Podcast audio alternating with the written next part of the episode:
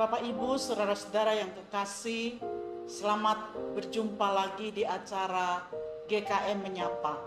Sebelum kita membaca dan merenungkan, mari berdoa. Bapa di surga, Bapa yang baik, terpujilah Engkau sudah menuntun kami memasuki bulan Mei. Anugerahmu luar biasa, setiap hari indah, dan kami bersyukur. Saat ini kami mau baca firman-Mu, mohon pimpinan Roh Kudus, sehingga kami memahaminya. Di dalam nama Tuhan Yesus kami berdoa. Amin. Bapak Ibu, saya dasari pembacaan Alkitabnya dari Lukas 13 ayat 6 sampai 9 yang diberi judul oleh Lembaga Alkitab Indonesia perumpamaan tentang pohon ara yang tidak berbuah. Begini firman Tuhan. Lalu Yesus mengatakan perumpamaan ini, seorang mempunyai pohon ara yang tumbuh di kebun anggurnya dan ia datang untuk mencari buah pada pohon itu. Tetapi ia tidak menemukannya. Lalu ia berkata kepada pengurus kebun anggur itu, "Sudah tiga tahun aku datang mencari buah pada pohon ara ini, dan aku tidak menemukannya. Tebanglah pohon ini, untuk apa ia hidup di tanah ini dengan percuma?" Jawab orang itu, Tuan, biarkanlah dia tumbuh tahun ini lagi. Aku akan mencangkul tanah sekelilingnya dan memberi pupuk kepadanya. Mungkin tahun depan ia berbuah, jika tidak, tebanglah dia. Saudara-saudara, firman Tuhan saya beri judul beriman dan berbuah. Tentunya kita semua berharap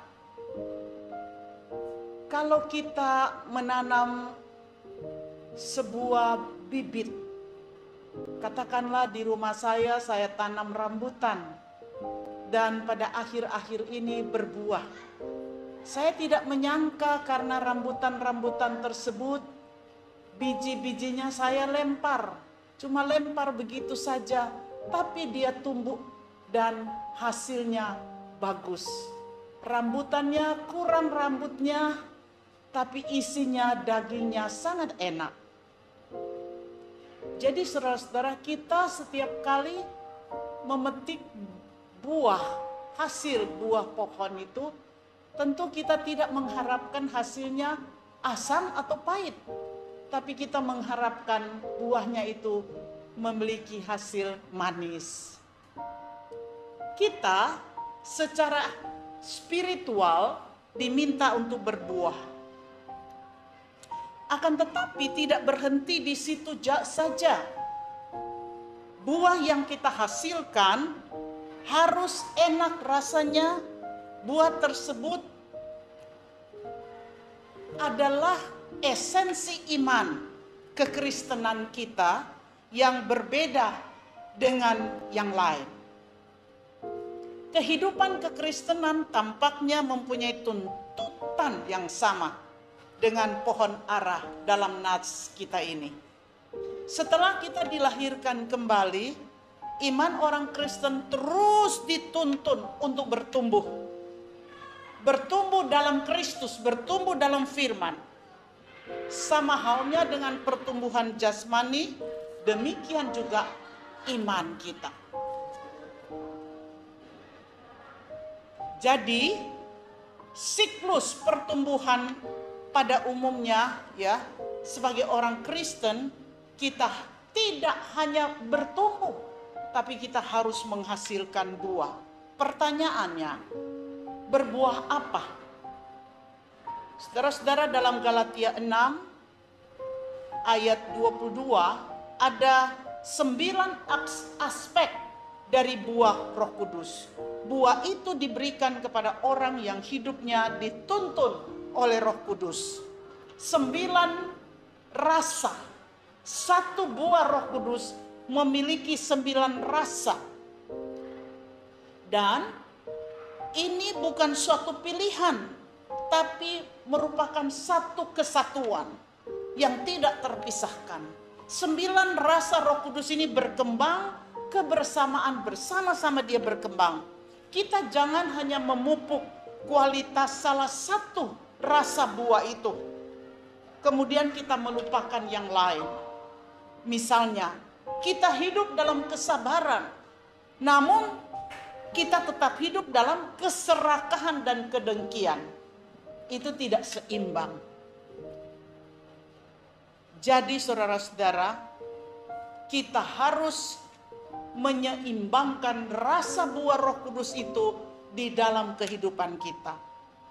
Iman dari murid yang benar bukan saja diminta bertumbuh, sekali lagi kita juga wajib berbuah.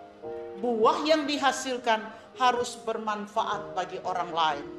Buah yang memberi kenikmatan, rasa damai, sukacita, dan kenyamanan.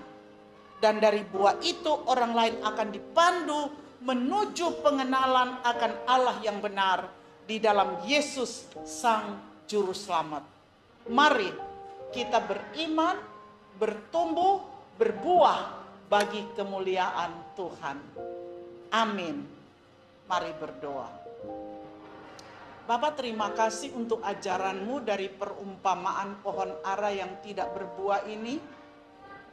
Sekali lagi kiranya Tuhan beri kami pemahaman bahwa Tuhan Yesus suruh tebang karena dia tidak memiliki buah.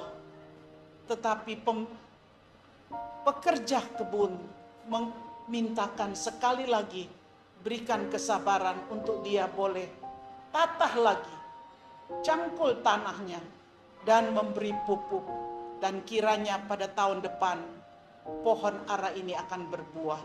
Harapan-harapan ini juga kiranya menjadi harapan kami supaya setiap saat kami mau bertumbuh, kami mau berbuah, buah untuk kemuliaan Tuhan. Di dalam nama Tuhan Yesus kami berdoa. Amin.